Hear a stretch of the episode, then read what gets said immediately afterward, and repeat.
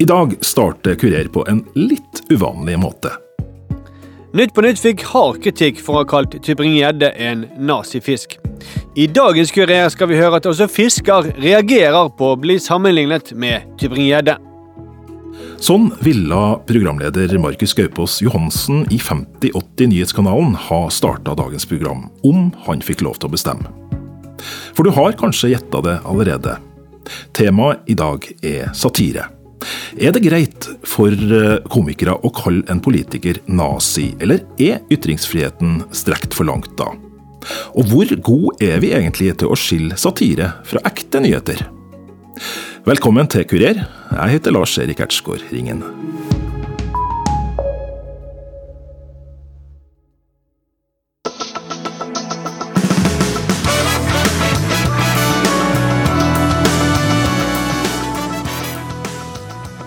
For en måneds tid siden sendte NRK et populært underholdningsprogram i den såkalte Gullrekka en fredag, som i ettertid førte til en seerstorm. Det var denne delen av Nytt på nytt som fikk folk til å reagere. Vi skal ha nyoppgaven, og hvilke nytt ord skal vi frem til her? Fisk, supermarked, bakrus, nazi. Idrett. Hva med bakrus, bakrusidrett? Hva er bakrusidrett? Det kan være Paracet Olympics. Å, er vi der? Nazifisk. Hva er nazifisk? Christian Tybring-Gjedde.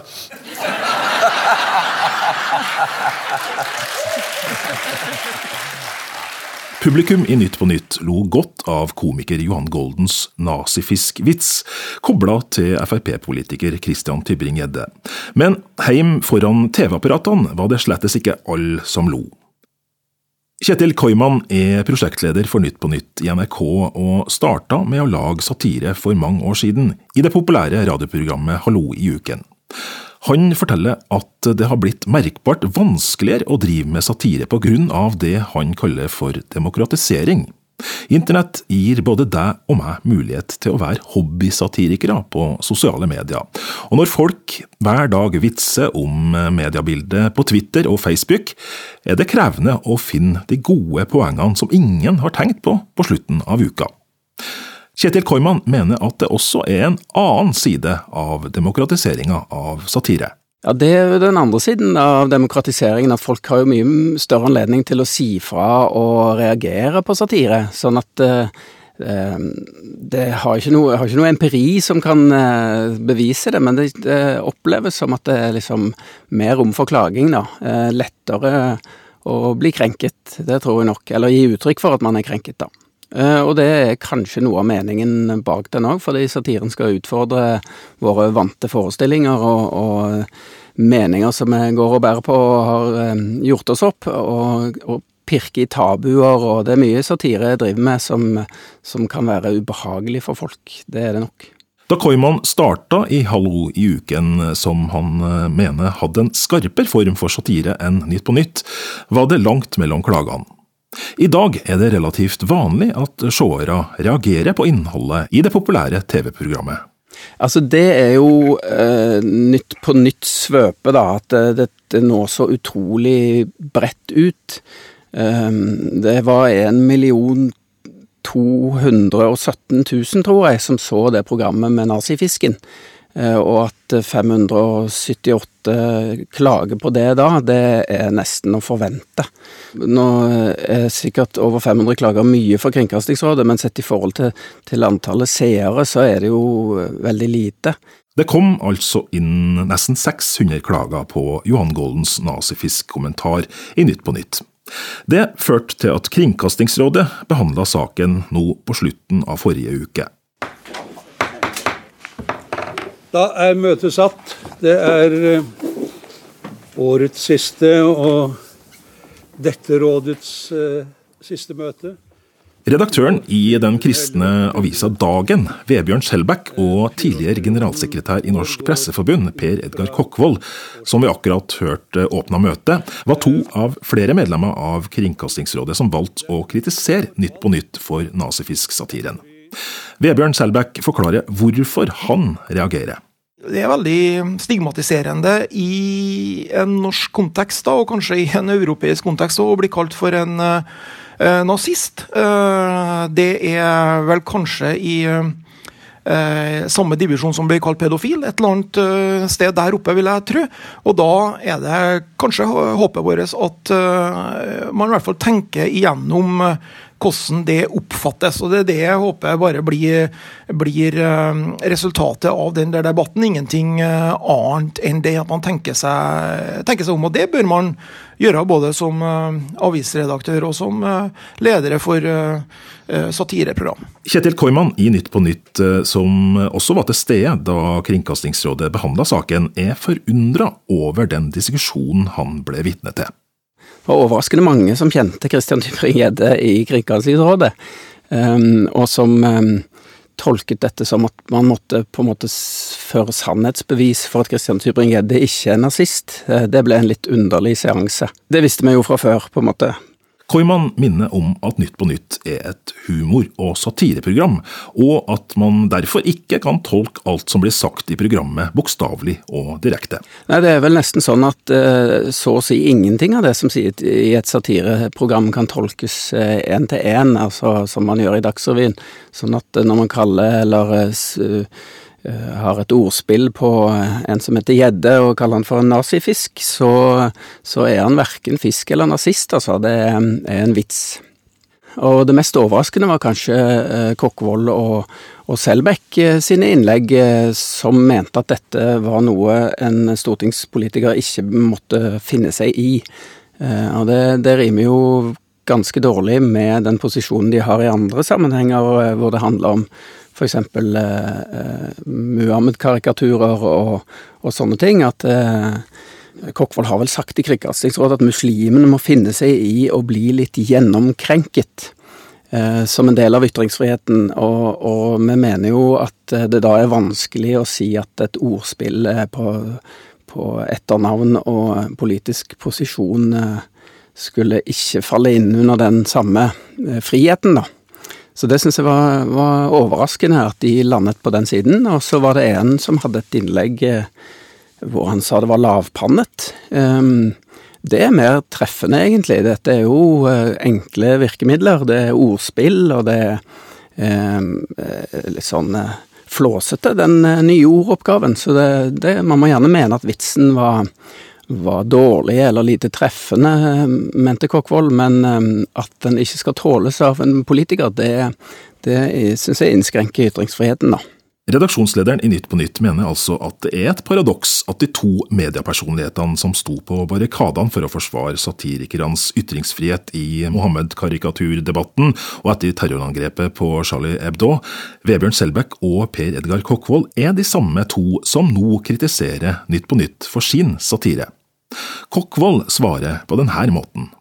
Eh, det er selvfølgelig enorm forskjell på, på, religioner og livssyn på den ene siden og, og enkeltmennesket på den andre når det gjelder krenkelser.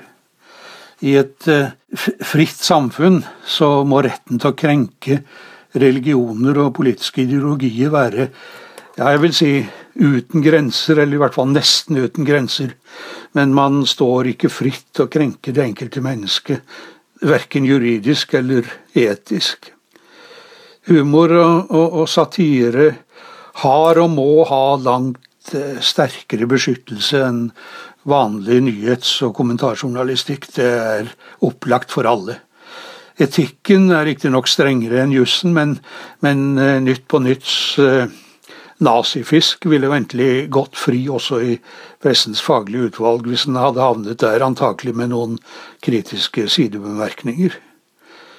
Ethvert eh, oppegående menneske med et, si et snev av historisk innsikt vil skjønne at nazibegrepet er så spesifikt belastende også i satiresammenheng at eh, satiremakere ikke i det minste må være inne på noe når de knytter et navn til nazismen. Noen vil eh, kunne si at Tybring-Gjedde faktisk er en av dem som, som, har vært aller mest kritisk til en ny ideologi, og som bærer eh, mange av nazismens kjennetegn, nemlig den voldelige politiske islamismen. Ja, humor og satire skal være fri, men også den må tåle et kritisk søkelys, enten det er fra lyttere og seere, fra Kringkastingsrådet eller andre. Jeg mener nazifisk-satiren var mislykket satire, et bomskudd fra en redaksjon som hver uke viser at den kan så mye bedre. Og dagen redaktør Vebjørn Selbekk står også fast i sin kritikk av Nytt på Nytt, men kommer samtidig med en presisering.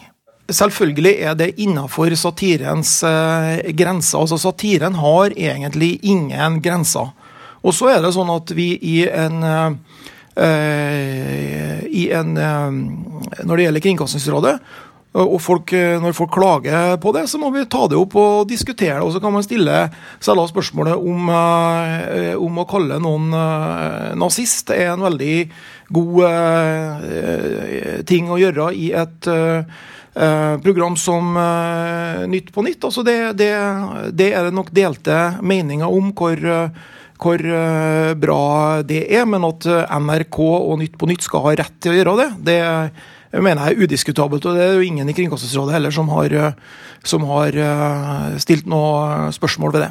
Så er det åpenbare spørsmålet. Kommer Nytt på nytt til å legge om kursen etter kritikken i Kringkastingsrådet? Kjetil Koiman er tydelig tilbakemeldinger setter vi jo alltid pris på, og så, og så eh, prøver vi å være så morsomme og treffende som mulig. Og eh, det at det har kommet mange klager fra høyresida på eh, at man krenker profetene på høyresida, det er jo ikke noe som gir grunnlag for noen sånn større kursendring hos oss, da. Fra sidelinja har medieprofessor Kristin Skare og Aucheret ved Høgskolen i Oslo og Akershus fulgt etterspillet etter Johan Goldens ordlek i Nytt på nytt med interesse. Hun mener at kritikken Kringkastingsrådet har gitt programmet, er uklok. Dette nazifisk-eksempelet har jo vært mye oppe, og det var på ingen måte programmet Nytt på nytts beste øyeblikk. Men her må jo også rammene for programmet og selve ordspillet som skjedde, tas med i betraktning. Eh, og det er farlig at hvis Kringkastingsrådet gjør det til en vane å skyte spurv med kanon, eh, så, så står de jo i fare for å undergrave sin egen veldig, veldig viktige rolle. Eh, når da slike ting som dette eh, får så eh, eh, mye oppmerksomhet, og, og, man også da beklager eh, hele situasjonen. Så man må være seg bevisst det volum og det trøkk som såkalte seerstormer eh, skapes, eh, som skapes av sosiale medier, kan føre med seg i dag. Og seerreaksjonene strømma ikke bare inn etter nazifisk-affæren i Nytt på Nytt. Også et innslag der barnehagebarn fremførte en sang med banning i teksten, fikk mange til å sende inn klage til Kringkastingsrådet.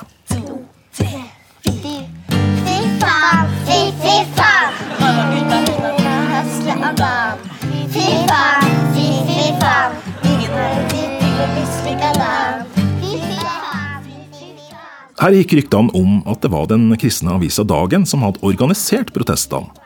Men det avviser redaktør Vebjørn Selbekk. Nei, vi har ikke hatt noen aksjon på, på den barnegreia. Vi har, vi har hatt uh, noen artikler om, uh, om det barneprogrammet. Det var jo veldig mange reaksjoner som kom inn til vår uh, redaksjon og på sosiale medier. Men vi har ikke lagt ut noe, noe lenke til, til, det. og det det uh, syns jeg ville ha vært uh, uh, synes ikke jeg passer. Vi driver ikke med noen aksjonsformer på det området der. Men jeg har også hørt ryktene om at det var lagt ut noe sånt fra dokument.no eller HRS knytta til, til den nazifisk-omtalen. Men vi har i hvert fall ikke lagt ut noe, noe lenker vi til, til det. Kurer har undersøkt den innvandringskritiske nettsida Human Rights Service, og har funnet en nettside der folk blir oppfordra til å klage inn nazifisk-uttalelsen til Kringkastingsrådet, med lenke til den sida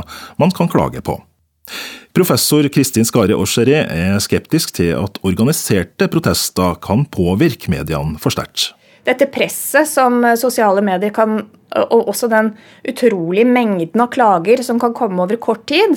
Eh, det er klart at det gjør inntrykk, men man må også huske på at her kan det være ferdigregisserte eh, budskap som mange oppfordres til å sende inn. og Det ser man jo i forskjellige eksempler, at veldig ofte så er ordlyden på klagene veldig lik. Eh, noe som kan tyde på at det er hentet ut fra noen som oppfordrer dem til å bruke akkurat den ordlyden. Og da kan jo noen små ganske marginale grupper faktisk få mye større makt enn en det de kanskje har eh, rett på. Og, og, vi må jo stille oss det spørsmålet nå, om det er slik at eh, medieetikken faktisk lar seg påvirke av det som skjer i, i sosiale medier. Aucheret slår fast at satiren har en viktig rolle i et fritt demokrati, og at vi derfor ikke kan la dem som blir krenka bestemme innholdet i media.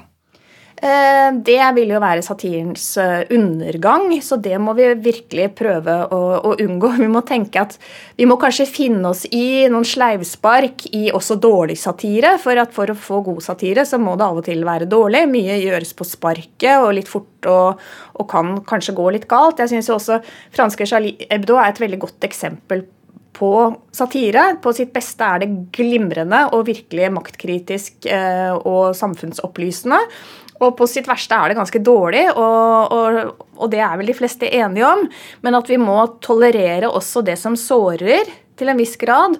Øh, og som, som er uheldige, dårlige former for satire. Fordi at øh, viktigheten av å ha god satire øh, gjør det verd å betale det. Og noen snakker jo faktisk om at det er en menneskerett å bli krenket også. Og hvis vi aldri skal bli krenket, eller hvis man hele tiden skal koke ned faren for å bli krenket til et slags minste felles multiplum, så blir det både et fryktelig kjedelig samfunn, men eh, også et ganske farlig samfunn, fordi i hvert fall hvis man har den troen på eh, altså liberale eh, verdien av at meninger blir bedre av å brytes mot hverandre, så må vi også godta de upopulære og av og til eh, de litt stygge meningene. Hvor tett henger egentlig ytringsfrihet og satire? Hvor, hvor, hvor, godt henger det sammen? Det går hånd i hånd, sånn som jeg ser det. Ehm, for på sitt beste så kan satire gjøre oss oppmerksom på fenomener og, og, problematisere også tendenser i vår egen samtid. Det er jo derfor også, når de er på sitt beste og kanskje sitt mest kritiske, at en del ønsker å legge lokk på, på satirikerne, på de satiriske stemmene eller uttrykksformene. Og det er uhyre viktig at de har et rom i et demokratisk samfunn nettopp for å kunne ta den narrens rolle, den som ser oss selv, eh, fenomener, livene våre og eh, makten eh, i et eget, litt sånn, ofte litt skrått og, og sært eh, uttrykk.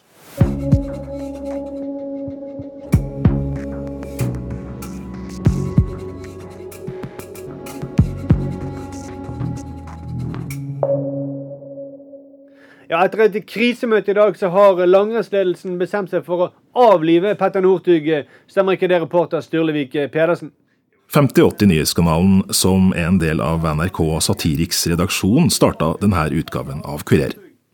Nå er vi på besøk i det lille nyhetsstudioet deres på Marienlyst. Ja, den siste, det er den men det er den eh... Sturle Vik Pedersen og Markus Gaupås Johansen parodierer og harselerer med døgnkontinuerlige TV-nyheter, og legger derfor tett opp til ekte nyheter i form og dramaturgi. Det kan føre til at folk eh, tror en tullete satiresak er ekte nyheter. De snudde f.eks. vinter-OL i Russland på hodet for snart fire år siden. Det verste som har skjedd, det var vel kanskje da vi skrev en sak om at uh, de hadde funnet spor av Marit Bjørgen i doping. Ja, stemmer. Uh, under Sotsji-OL. Um, og da uh, Det var en sak som gikk ganske bra i Norge. Ja, veldig bra i Norge. Og så, i løpet av natten, så var det noen russiske journalister sannsynligvis som har brukt Google Translate. Mm -hmm. Sånn at de presenterte nyheten. De har bare funnet dop, Marit Bjørgen, og så Dagen etterpå så presenterte de nyheten på TV at norske medier meldte at Marit Bjørgen var tatt for doping. Det begynte finske medier og svenske medier å melde det. Uh, og uh, aviser begynte å ringe, og det var en snøball som var umulig å stoppe. Så satt deg ved siden av meg i sofaen. Ja. Det var nok her, altså. Altså, Ken André Ottesen jobber til daglig på desken hos VG i Akersgata, men på si er en satiriker i noe som kalles Vredens gnag. Også han har opplevd at folk har tatt satiren hans for å være ekte nyheter. Dette her var jo mens eh, NRK sa til sine eh, programledere at de kunne ikke ha kors på seg eh, under sending, så lagde jeg en sak der NRK hadde bedt eh, være eh, Eller meteorolog eh, Kristen Gislefoss skifter fornavn. For han kunne jo ikke gå rundt og hete Kristen og, og dytte det på eh, folk av annen tro eller ateister og sånne ting. Og da eh, tror jeg, jeg Jeg fikk i hvert fall eh, 60 000 likes på den saken, og NRK, sentralbordet i NRK ble nedringt av rasende mennesker som lurte på hva de hadde gjort nå. Det gikk så langt at NRK la ut på sine egne Facebook-sider at, dette- eh, Facebook-sider at dette var en satirisk artikkel og måtte ikke tas eh, på alvor.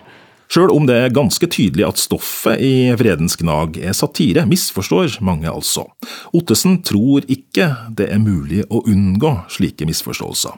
Eh, Jeg, kan ikke sitte i VG og lage et produkt for eh, den presumptivt minst oppegående personen som skal lese dette. her. Vi kan ikke file et felles minste multiplum og så teste alle vitsene på vedkommende. Ringe liksom 'Hei, du, nå har jeg en ny vits her, skjønner du den her?' Alle kan ikke skjønne alt. Eh, Jeg bare prøver å gjøre dette så morsomt som jeg kan. Eh, Og så er jeg da innforstått med at det er en del folk som ikke skjønner det her. Og så syns jo mange at det er veldig morsomt, for da blir jo kommentarfeltet en sånn blanding av folk som har skjønt det, og en folk som ikke har skjønt det. Og så blir det sånn evig runddans i at noen sier eh, Nei, dette er ikke sant fordi, og så sier noen «Ah, hallo, du er inne på en satireside, skjønner du ikke satire? Og så liksom har du runddansen, da. Ja, hvor vanlig er det at folk eh, tar det du skriver som, som vanlig journalistikk? Eh, Ja, hvis jeg skal anslå noen sånn prosentandel av det, så vil jeg tippe at eh, det er i hvert fall en sånn 10-20% av de som kommenterer på sakene, som ikke har skjønt at dette er satire. og det, det skyldes jo sikkert ofte at de, de leser ikke hele saken, rett og slett. Eh, Men hvis du bare leser tittel og ingress og ser på bildet, så blir du kanskje forvirra. Men det er det veldig mange som gjør. Ja, de muslimene som nekter. Men kanskje muslimer. Muslimer som nekter. Ja, Vi tar en eh, liten pause her på 5080 Nyhetskanalen. Når vi kommer tilbake, så skal vi høre at Sylvi Listhaug raser mot muslimer som nekter å feire Black Friday. Tilbake i studioet til 5080 Nyhetskanalen bekrefter Markus Gaupås Johansen at folk sliter med å skille deres saker fra ekte journalistikk. Ja, det skjer hele tiden. Det skjer hver dag. Eh, både når vi skriver artikler, men også når vi lager innslag. Eh, men hvis du lurer på om det er noe problem for oss, så eh, er det ikke det. Jeg mener det er mer problem for, eh, for nyhetene. Hvis folk ikke klarer å skille tullenyheter fra ordentlige nyheter, så er det de ordentlige nyhetene sin feil, mener jeg. De, da har de et problem, hvis, ikke, hvis de ser like tullete ut som våre nyheter. Da. VG hadde her om dagen en sånn overskrift eh, på Eh, Per Sandbergs løsning på eh, metoo-problemet det var å gi, at kvinner skulle gi en ørefik. Som det høres helt drøyt ut. Det kunne nesten vært en satiresak. Så leser man saken, og så ser du det er ikke det han egentlig sier. Og da mener jeg, da, Det er med på å undergrave medienes troverdighet. Så når vi høres ut som en VG-forside av og til, så er det VG-forsiden sitt problem. altså Hvis de hadde blitt skikkeligere, det blitt vanskeligere å parodiere, så hadde det ikke vært så lett for oss, da, men det hadde ikke vært så my mye problemer heller for uh, å skille mellom nyhet, tullnyheter. Det skal ikke så mye til. Det er bare å, å skrive omtrent sånn eh, grammatisk korrekt, eh, snakke omtrent som de gjør, så, eh, så kjøper folk det, egentlig. Når folk sliter med å skille falske nyheter fra humorstoff, kan kampanjen mot fake news også ramme satiren. Ken André Ottesen i VG og Vredens Gnag forteller at satirestempelet blir misbrukt. Eh, Men det er jo eksempler på nettsider som utgir seg for å være satiriske, som etter min mening ikke er det. da. Jeg husker, jeg husker ikke hvilken side det var, men det var en sak om at eh, nå hadde en meningsmåling eh, slo fast at 99% av Norges befolkning vil ha Sylvi Lysthaug som statsminister.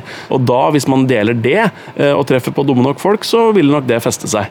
Medieprofessor Kristin Skare Aasjeré ved Høgskolen i Oslo og Akershus syns utviklingen er skummel. Det har jo alltid eksistert, naturligvis. Ehm, også humor og, og ironi og satire som, som feiltolkes. Men, eh, men det skumle nå er jo de dimensjonene det får, og at en del krefter eh, i samfunnet kanskje ikke engang er interessert i å avkrefte eller si at hei, her tok jeg faktisk feil, det, dette stemte ikke, det var, eh, det var ironisk eller humoristisk ment. Men hvem er det som har ansvaret her da, for å sørge for at folk klarer å skille mellom satire og vanlige nyheter? Eh, her har vi alle et ansvar, og kildekritikk eh, bør jo stå veldig sentralt i denne diskusjonen. og Det er jo både som en journalistisk metode, at eh, journalistene selv forholder seg systematisk undersøkende til kilder, men også at vi alle kritisk vurderer informasjonen vi kommer over, og, dens verdi, sånn at vi i hvert fall unngår å, videreformidles usannheter. Og dette med hvem er avsenderen? Er den til å stole på? Uh, og kanskje ikke minst å tenke er, har kilden en agenda? Er det en tendens her? Er det noe kilden vil oppnå ved å påvirke meg til å tro det ene eller det andre? For det er jo nesten det skumleste nå. Det er jo at den delingen skjer så uhyre fort. Så selv om uh, det da blir avslørt at dette var ironisk, satirisk, humoristisk ment, eller at det faktisk var en villedende falsk nyhet, så er på mange måter skaden gjort fordi at Eh, delingen skjer så raskt, og, og saken lever videre, eh, får sitt eget liv.